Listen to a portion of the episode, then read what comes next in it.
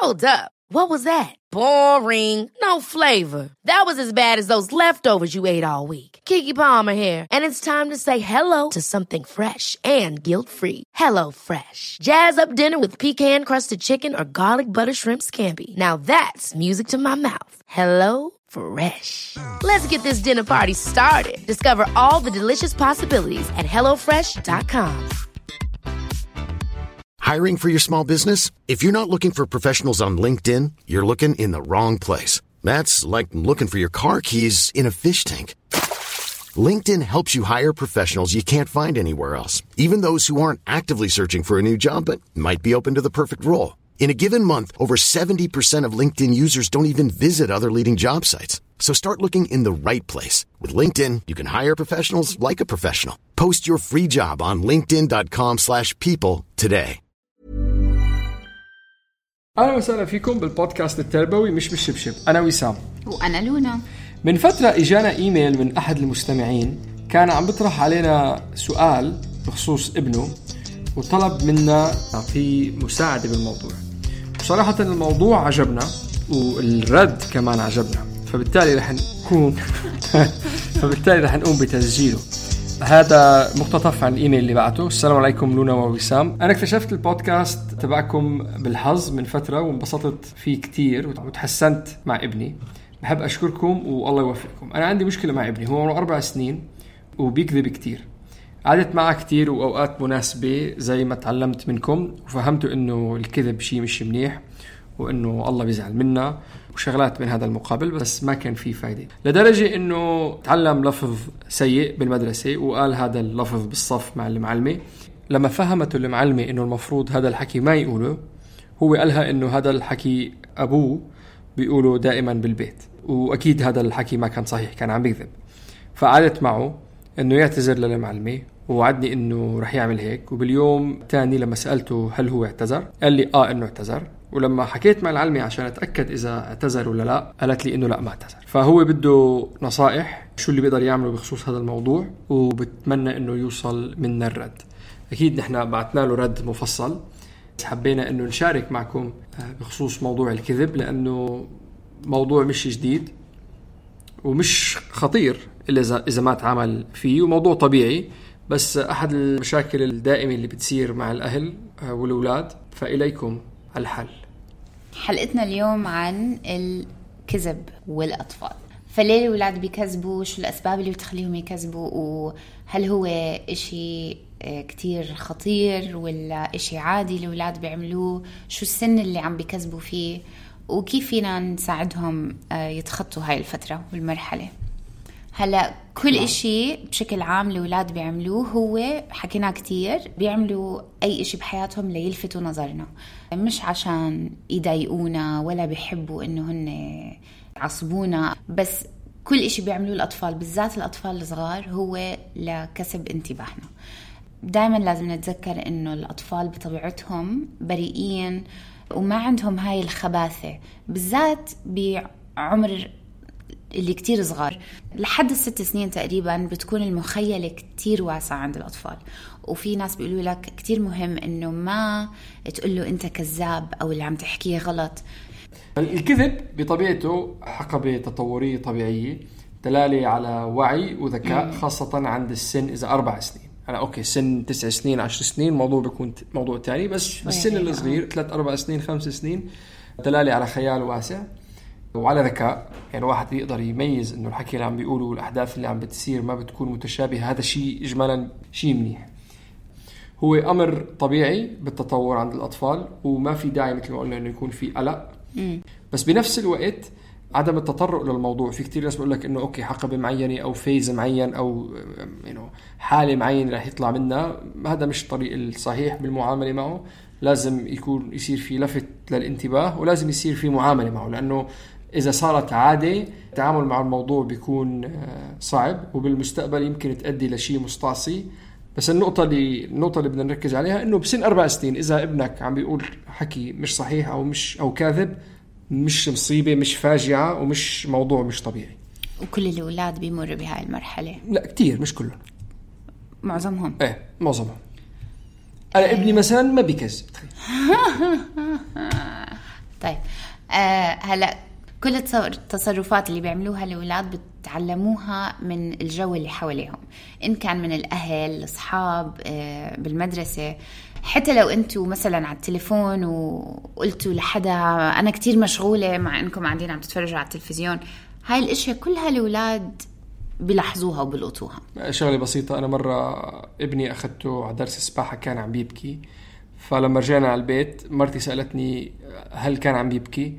وأنا عشان نفسيته ما بدي احرجه قدام أمه قلت له إنه لا كان شاطر ما كان عم بيبكي مع إنه كان عم بيبكي فكانت النية صحيحة بس العمل كان خاطئ ولزقت براسه إنه آه هولد في شيء صار هون. ويمكن أكون أنا بشكل غير مباشر دليته على موضوع صح. الكذب. هلا عند الكبار الكذب بيجي نتيجة ضغط أو خوف أو يعني ضغط نفسي أو معنوي. بدنا نحشر بزاويه وما بنعرف كيف نتصرف والنتيجة هي الكذب. عند الاولاد الموضوع شوي مختلف. علمهم وواقعهم واستيعابهم للأمور مختلفة عن الكبار. الأسباب الأساسية للكذب عند الأولاد هي بالنسبة لهم مية بالمية أسباب بقائية. يعني ما بدهم يخيبوا أملنا فيهم وكل إشي بيعملوه هو لينالوا حبنا واهتمامنا وتركيزنا. هلا الأطفال بيكذبوا لسببين معينين. مرات بيكونوا كمان يعني واحد أو الثاني أو اثنين مع بعض. أول وحدة منطقيا خوف من العقاب. الثاني بدهم ينالوا آه، موافقتنا وتقديرنا لهم بالإضافة لهذا الموضوع يمكن يكون دلالة لانزعاج معين. إذا كان في شيء عائلي أو اجتماعي أو منزلي جديد صار نقلته من بيت لبيت صار عنده أخ جديد أو أخت جديدة في حدا عم بضايق الولد أو البنت بالمدرسة.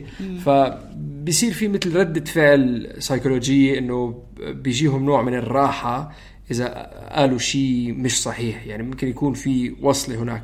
بس إذا حسيتوا إنه ابنكم أو بنتكم عم بيكذبوا كتير إذا في تغير جديد عم بيصير بمحورهم يمكن يكون هذا نوع من الطريقة اللي عم بتعاملوا مع التغيير اللي عم بيصير.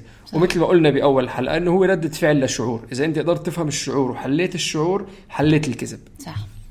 بالمثل اللي اعطيناه بأول الحلقة إنه الولد كذب و... وأبوه قال له يروح يتأسف للمعلمة ولما سأله بعد المدرسة هل تاسفتوا قال له آه والحقيقة كانت إنه لا. الكذبة هاي بالذات كانت لينال إعجاب أبوه. وهي بالنسبة للأطفال ما بدهم يخيبوا ظننا ابدا. فبالنسبة له هاي زي آلية البقاء عند الطفل. يا أما هيك يا أما خوف من العقاب. يعني هو ممكن الطفل يكون راح المدرسة بنية إنه يقول متأسف للمعلمة ومين شغلة بتصير؟ يعني عمره أربع سنين. فمش حيتذكر إنه يتأسف للمعلمة ولما أبوه سأله قال أنا حتعاقب. فخليني أقول إنه قلت. ونقطة جانبية موضوع العقاب هو بحد ذاته بيأكد وبيأدي على الكتر بالكذب. بواقع الأمر مثل ما ذكرنا. سبب الكذب هو التخوف من العقاب أحد الأسباب. إذا كان في عقاب فبذهن الطفل هي بتعزز الفكرة إنه إذا هو كذب هناك فرصة ولو حتى لو ضئيلة كتير إنه رح ينجو من العقاب على عكس الاعتراف والعقاب المؤكد فهو بياخده بالكذب. إنه أنا إذا أنا كذبت وهربت من العقاب أو أنا أعترف وأتعاقب لا يعني هو لأنه العقاب بيعزز. أو هذا موضوع رح نتطرق له كمان بالخطوات الجاي إنه كيف فينا نحن نحل مشاكل الكذب. صح. فكيف فينا نحل مشاكل الكذب؟ أول شيء وأهم شيء وهي النقطة رح نرجع لها بكل الخطوات اللي رح نعطيها. ميز بين الكذبه والتصرف. أكثر الأسباب وأكبر الأسباب ليش الولد بضله يكذب هي بس يضيع الموضوع الحالي ويبلش يسلط ضوء عن المشكلة الأساسية لتصير المشكلة مشكلة الكذب. هاي نقطة مش بس أكبر سبب بيستعملها الولد بس أكثر شيء نحن كأهل كمربين بننسى لما يصير في مشكلة. إنك أنت بتترك المشكلة الأساسية نصير نوجه جهودنا على الكذبة. فبيبلش الولد دائما يستعمل هاي الوسيلة إنه يضيع الموضوع من المشكلة الموجودة حاليا اللي هي ما بعرف شو عقابها للموضوع الكذب اللي أنا بعرف شو عقابه وبعرف شو حواره لأنه دائما نحن بنفوت فيه. م. فبالمثل اللي أعطاه الإيميل اللي إجانا إنه هو كذب على المعلمه إنه ما اعتذر لها فبطل الموضوع إنه هو ما اعتذر للمعلمه اللي هو أساس المشكلة. صار الموضوع إنه هو كذب علي. ابنك عم بيلعب بالطابة بقلب البيت كسر مزهرية. هل كسرت الم... آه هل كنت عم تلعب بالطابة؟ هل كسرت المزهرية؟ مش أنا. فبطل الموضوع عم بيلعب بالطابة بقلب البيت وكسر المزهرية. صار الموضوع كذبت علي. خبزت كيك أو كعكة جاي لعندك ضيوف بدهم يجوا ضيوف اجى الولد اكل قطعة منها. أنت أكلت قطعة منها؟ لا ما أكلت قطعة منها. بطل موضوع الكيك ومين بتاكل صار الموضوع موضوع الكذبة. فهذا كمربين وكأهل دائما دائما أول شيء ودائما رح نرجع نرجع لها بكل النقاط اللي جاي. ما نخلي الكذبة تنسي العمل الأساسي. إذا ابنك شاهد كذا مرة مرارا وتكرارا إنك أنت عم بتضيع الموضوع الأساسي ضرب اخوه كسر صحن أو ما شابه. وصرت تفوت بموضوع الكذب هذا رح خلاص رح يضل رح يضل يرجع له. عندك براسك كذب وأهرب كذب وأهرب. فهذا أهم شيء وأكبر شيء ودائما دائما خلوه ببالكم لما تتعاملوا مع أولادكم بموضوع الكذب. النقطة الثانية المدح والتشجيع. طريقة المدح والتشجيع أثبتت عنها بإحصائيات كتيرة إنها بتغير السلوك. لازم الواحد دائما يمدح أولاده بطريقة جيدة بصوت عالي بوضوح لما لما ابنه يقول الحقيقة. هاي الطريقة كتير فعالة وبتغير السلوك مئة مرة أحسن من العقاب. إحنا كمربين مهتمين أكثر بإنه نروج على الخصال المنيحة ومش بس نتفادى الخصال السيئة. حتى إذا ابنك كذب بالأول أو بنتك كذبت بالأول وبعدين رجع اعترف صح.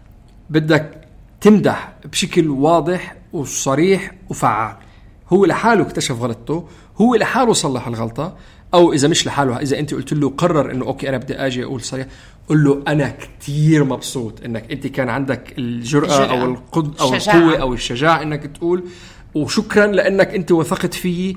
النقطة إنه أنت بدك تشجعه بدك إياه يفوت بالراحة النفسية والذهنية إنه دائما هذا هو الشيء اللي بده يرجع له قول لما الحقيقة أهم بكتير من المصيبة اللي عملها. صح. دائما نكون على هذا الموضوع. إذا بتتذكر حكينا بالحلقة رقم 15 ليش منصرخ وعلى فكرة هاي الحلقة كانت لسبب ما كتير آه، أكثر وحدة مستمعة عنا. أكثر من 3000 مرة انسمعت. حد ما بعرف ليه. آه. موضوع الصراخ مهم عند الأهل. عن جد. فإذا ما سمعتوها اسمعوها. بنحكي بهذا الموضوع إنه هل إذا ابني عمل إشي منيح دائما كل مرة بدي أعبر لطفلي إنه قد إيه أنا بقدره وقد إيه عمل منيح على كل صغيرة وكبيرة يعني إنه هو لازم يرتب غرفة نومه صح؟ ولازم ينام بكير ولازم يقول كلام حلو ما يتخانق مع أقاربه. الجواب دائما امدح امدح امدح. شو ما كان. لأنه بالآخر حيعمل اللي أنت بدك إياه. ثالث نقطة. سيطر على مشاعرك لما الحقيقة تبين. إذا كانت باعتراف أو إذا كانت بطريقة تانية إنك أنت مثلا بالمثل اللي أعطيناه سألت المعلمة وهي كذبته. سيطر على مشاعرك وهي نقطة عامة. يعني إذا بت... إذا عم تتسمعوا علينا من الأول نقاطنا متكررة. وشغلات اللي دائما الحل تبع كل المشاكل نفس الشيء. إذا أنت علاقتك منيحة مع ابنك وعندك وصلة محبة وبتقدر أنت دائما تثني عليه وتعطيه مدح وهي النقطة الثالثة تسيطر على مشاعرك. هذا كله بحل كل المشاكل التربوية. فالنقطة الثالثة وبناء على النقطة الثانية سيطر على مشاعرك لما الحقيقة تبين. هذا يمكن يكون أصعب شيء بالنسبة لنا إنه نحن نعمله لما نعرف الحقيقة إنه أو ابننا كذب أو بنتنا كذبت. أكثر شيء أنا حتى ب- بتجربة شخصية لما تعرف خلاص الواحد مخه إنه هذا الشيء بالنسبة لنا خط أحمر بس المشكلة إنه ردة الفعل المبالغ فيها لما تبين الكذبة بتخلي الولد مش مطمن بتخلي الولد يعرف إنه ما بيقدر يثق فيك بخلي الولد يعرف. إنه أنا ما بعرف هذا الكائن اللي قدامي اللي بيفقد السيطرة وبيطير ضبان عقله مثل ما بيقولوا فيمكن تخليه يلجأ للكذب مستقبلا. أكثر فدائما أجا خلي مسافه أنت بلحظتها زعلت كشفت اطلع من الأوضة اكبس على حالك عض على لسانك اعمل اللي بتقدر تعمله. ولما تروق لما تهدى ارجع لعنده قل له أنا عرفت باللي صار. بعرف إنه نحن في عنا مشكلة هلأ بدنا نواجهها. بدي إياك تعرف إني أنا بحبك شو ما صار وإنه بالآخر شو ما صار أنا وياك مع بعضنا رح نشتغل لنوصل لحل يناسبني ويناسبك. العلاقة الحميمة بين الأهل هي جوهرية لحل كل المشاكل. وبدي أزيد إشي صغير إنه أحيانا الأهل ردات فعلهم بتكبر وبتزيد أكتر لما يصير إشي غلط قدام ناس تانيين. لأنه بيخافوا السمعة صح. وكيف حيكون منظري قدام الناس وهي كيف بتكذب هيك بالذات إذا قدام الناس. يعني ممكن يكون الموقف بالضبط نفس الإشي صار بالبيت بينك وبين ابنك لحالك وما تعطيه كل هالأهمية. ولما تكون برا البيت صح. صح. بتعطيه كل هالأهمية الزايدة بيعلم ابنك أكثر من إشي بس أكثر شيء بيتعلمه الولد بهيك مواقف إنه أنا أهلي بيهتموا بشو بيفكروا الناس أكثر مما بيهتموا بمشاعري أنا النقطة الرابعة آه. عزز المتوقع من قول أو أفعال الطفل ووصله بشعورك آه، مباشرة عشان هو يعرف بالضبط شو اللي عم بيعملوا شو اللي عم بيقولوا كيف رح يأثر على شعورك له مثل ما إحنا ذكرنا بالأول أي شيء بيعملوه الأولاد هو مربوط دائما بنحن وجهات نظرنا لهم وأحد أسباب الكذب هي نيل الإعجاب والتقدير. قل له أنا كثير بكون مبسوط فيك لما تقول الحقيقة من أول مرة. أنا إذا إجيت قلت لي الحقيقة حتى لو كذبت علي من قبل ما راح ما راح أعاقبك ابدا. أنا الحقيقة شيء كثير بقدره كثير بكافئه وما شابه. خامس نقطة. لما يصير في كذبة أعطوا الاهتمام للطفل وللأسباب اللي كذب من شانها بدل من ما تركزوا على الكذبة نفسها. وبعدين ارجعوا لموضوع الكذبة بعدين.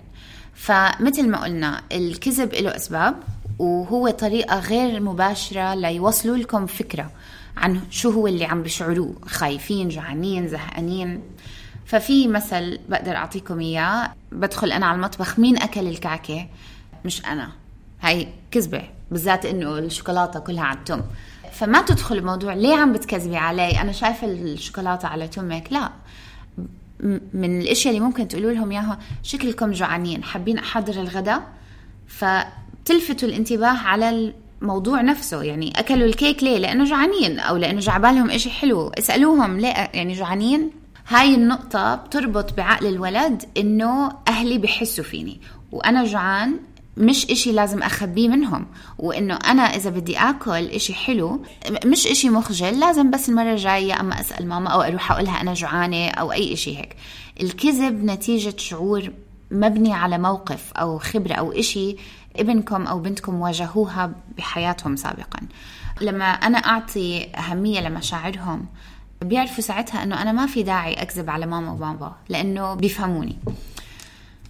بعدين؟ بعدين لما تطعموهم ويكونوا رايقين إحنا كتير بنحب نحكي مع أولادنا بوقت النوم هذا أحلى إشي لأنه بيكونوا رايقين وبيستجوبوا وبيحبوا يحكوا بساعتها. بتقول لهم أنا بعرف إنه اليوم أنت أكلت الكعكة لأنها طيبة وبتحب تاكل وبعرف إنك خبيت علي بس بدي إياك تعرف إنه أنا بحبك شو ما عملت و... وبدي أعرف إنه أنا بقدر أثق فيك وأنت بتقدر تثق فيني. فدائما احكي لي الحقيقة.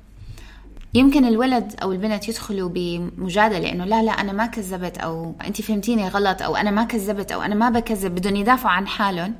بهاي اللحظة تجنبوا الموضوع وسكروه وخليه هو يفكر فيها لأنه الولد دائما بيعرف لما يكون غلطان. فما ضروري نحط على عينهم نصغرهم نحسسهم بال إنه نجرحهم. خلص. أنا حكيت اللي علي. حكيت إنه عرفت انك كذاب مرة جاي خلينا نثق ببعض. وسكروا الموضوع. إنك كذبت. إنك كذبت. سوري مش أنت كذاب. مثل اخر ابني دفش أخته من الكرسي.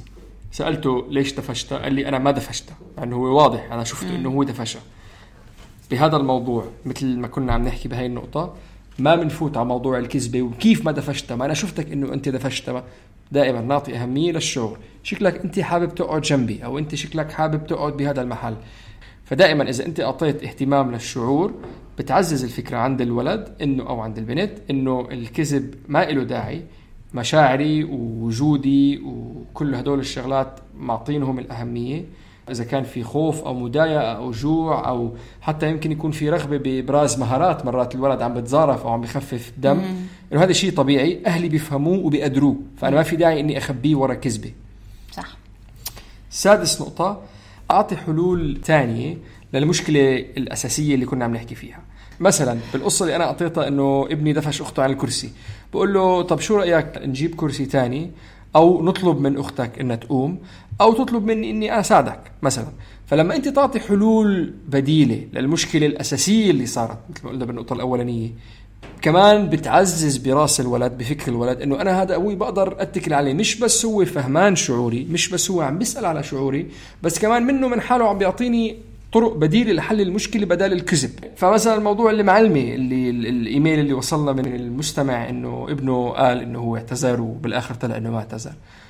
ما نرجع نركز على موضوع الكذبه نرجع بنقول لموضوع إنه ليش أنت قلت الكلمة البذيئة بالصف؟ هل هو أنت قلتها بدك تنال اهتمام أو عندك فضول على ردات فعل التلاميذ أصحابك؟ النقطة الأساسية بالقصة كلياتها إنه هو قال حكي مان قال وهو ما اعتذر. له فمثلا بنصير نقول له طيب شو رأيك إنه بدل ما نعتذر بعرف إنه هو شيء صعب إنك تعتذر آه، بطريقة قدام الناس شو رأيك نكتب رسالة أو نرسم رسمي إذا الولد صغير؟ أي واحدة بتفضل بتفضل نرسم رسمي أو نكتب رسالة أو أجي أوقف معك لما تعتذر بشجعك مثلا. فمرة ثانية هدول كلياتهم بيعززوا براس الولد إنه أوكي في عندي وصلة بيني وبين أبوي أو بيني وبين أمي وبقدر أثق فيه. صح. إذا كذب كسر صحن مثلا. نعطي حلول بديلة. شو رأيك مثلا بالمرة الثانية نصير ناكله بصحون ببلاستيك؟ أو مثلا شو رأيك نصير نلعب بالطابة برا المطبخ؟ فدائما نعطي حلول بديلة بتساعد على الموضوع. صح. ودائما نرجع بنحل موضوع الكذب بعدين. على رواق وبنذكره وما بنفوت بحوار فيه. سابع نقطة خلوهم يصلحوا أغلاطهم اللي كذبوا عشانها هلا الولد اللي حكى الكلمة المش منيحة بالصف لازم إنه يعتذر للمعلمة. يكتب له رسالة يكتب له اعتذار يرسم له رسمة. إذا كسر إشي بالبيت الولد أو البنت لازم يصلحوه. أنا أولادي مثلا إذا وقعوا إشي على الأرض لازم هم اللي ينظفوا يعني إذا دلقوا مي أو حليب أو شيء مش منصرخ عليهم وبعدين أنا بروح بنظف. ما ما بدي أقول عقاب لأنه هو مش عقاب هو نتيجة عملهم اللي عملوه لازم يتحملوا النتيجة لأنه لما يجربوا العواقب اللي بتصير نتيجة أفعالهم هاي لحالها درس. كافية ودرس إنها تكون كعاقبة لأفعالهم وأخيرا وأهم شيء وبشكل عام وكل المشاكل وبكل الأطفال هلأ وبالمستقبل ما نكون سلبيين ما نكون ناقدين ما نكون مستهزئين ما نتمسخر عليهم آه. هذا كلياته بهد العلاقه اللي نحن كان هدفنا إنه نبني معاهم آه بدنا يكون في عنا ثقة بيننا وبين أولادنا يكون في مودة يكون في تقدير وكل الخطأ اللي نحن علينا كأهل لازم نهيئ الجو الصحيح الحميم إنه هن يقدروا يعملوا أخطائهم قدامنا بطريقة صحية لأنه دائما الواحد بيتعلم من غلطه صح. وإذا هذا الجو موجود هناك نقدر نحن نحن نتعلم منه وهن يتعلموا منه. أما إذا كان في صراخ وبهدلة وتصغير واستهزاء هذا بخليهم دائما يغطوا أو يخبوا أخطائهم ومثل ما كذا مرة قلنا الغلط بالصغر شيء والغلط بالكبر شيء ثاني صح. فإذا ردات فعلك سلبية وفيها معاملة بتدفعهم على إنه يصير في خوف وهروب وخجل هذا بخلي العلاقة صعب كتير إنك تصلحها. خاصة بالمستقبل ولما يكون ولد بسن ال- ال- المراهقة. وما ننسى شغلة كمان هاي شغلة عامة. دائما الاهتمام الزائد وال وال وال والنق المفرط اللي بيصير من طرفنا بآخر النهار مثل ما قلنا بالأول كل حدا بيعمل شيء لأسباب عاطفية وخاصة الأولاد بيعملوها عشان ينالوا اه- اهتمامنا وتركيزنا. إذا نحن مدقرين على موضوع الكذب كتير وبنضلنا كل يوم كذب كذب كذب كذب. هو بيعرف الولد أنا إذا بدي أبوي يهتم لي أو بدي أبوي يتواصل معي أو بدي أبوي يحكي معي. بكذب كذبه بيجي بيقعد معي نص ساعة. صح. فيمكن تكون هذا كمان شيء يعني إحنا بالنسبة لنا مثل ما قلنا ما نركز على العمل نركز على الشعور. بنحل الشعور بنحل الع- العمل. والمدح والسلوك الإيجابي هو كافي بإنه الولد يبطل دائما يرجع يعمل هالشغلة لينال اهتمامك. وحاولوا إنكم تلاقوا كتب أطفال بتحكي عن موضوع الكذب في الولد اللي ضل يقول آه، ذئب بالحارة. آه، من هدول القصص يعني The Boy Who Cried Wolf. إذا بنقرأ للأولاد بأسلوب قصصي بسيط القراءة أول شيء بتساعدنا على إنه نبني علاقة مع أولادنا ونوصل لهم الفكرة عن الكذب بطريقة سهلة وممتعة بدون ما نحط على عينهم كمان مرة. آخر شيء وآخر شيء كل المشاكل لها حلول وكل المشاكل بدها وقت. ولازم نحن كأهل نحط هذا الشيء ببالنا دائما نقوله لحالنا إنه أنا ابني عنده مشكلة الكذب بدي احلها معه إذا أخذت أسبوع أو أخذت شهر صح. أو أخذت سنة صح. دائما مرات الاستعجال تبعنا وضيق الخلق تبعنا أنت ممكن. كزلمة كبير أو أم يعني فيها تفهمي الشغلة من ثاني مرة ثالث مرة تدربي حالك مرتين ثلاثة وتحل المشكلة اللي عندك إياها مشكلة الطفل مشكلة طويل يعني مش بهالسهولة هاي مش ال- ال- ال- المنطق مش مكون عندهم بمخهم لحد سن سن السبع سنين. صح. فممكن بدهم شوية تدريب شوية تحفيز شوية وقت. فدائما كل المشاكل بدها وقت ولازم نحن كمان نذكر حالنا إنه إحنا هدفنا بالآخر إنه نخلق إنسان عنده العقلانية والذكاء إنه يتعامل مع الحياة. هذا الشيء بده وقت بده رواق بده مدح بده طولة بال. طولوا بالكم. فصبر جميل والله المستعان. شكرا كثير لاستماعكم. نرجو إنه تكون حلقتنا عجبتكم تقدروا تسمعونا على ابل بودكاست باسم مش بالشبشب جوجل بلاي ساوند كلاود أنغامي سبوتيفاي وهلأ يوتيوب. اسألونا أسئلتكم. دائما بنحب نتواصل معكم. الإيميل مش بالشبشب at gmail.com أو اعملوا لنا direct message على انستغرام at مش بالشبشب. اعملوا لنا subscribe عشان يوصلكم تنبيه لما نحمل حلقة جديدة. وأعملوا لنا rating 5 stars إذا حبيتونا. وما تنسوا تشاركوا أصحابكم والأهل اللي بتعرفوها محتوانا. و بنحب نشكر رنا أبو خليل من art على كل ال artwork ووائل شبعاني ويوسف عيسى.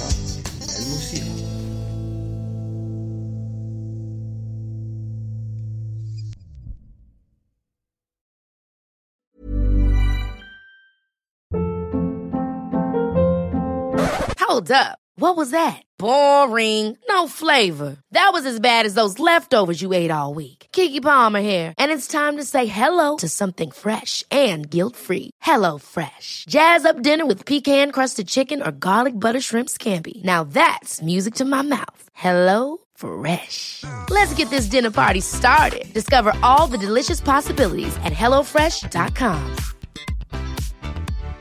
Hi, I'm Daniel, founder of Pretty Litter. Cats and cat owners deserve better than any old fashioned litter. That's why I teamed up with scientists and veterinarians to create Pretty Litter. Its innovative crystal formula has superior odor control and weighs up to 80% less than clay litter. Pretty Litter even monitors health by changing colors to help detect early signs of potential illness. It's the world's smartest kitty litter. Go to prettylitter.com and use code ACAST for 20% off your first order and a free cat toy. Terms and conditions apply. See site for details.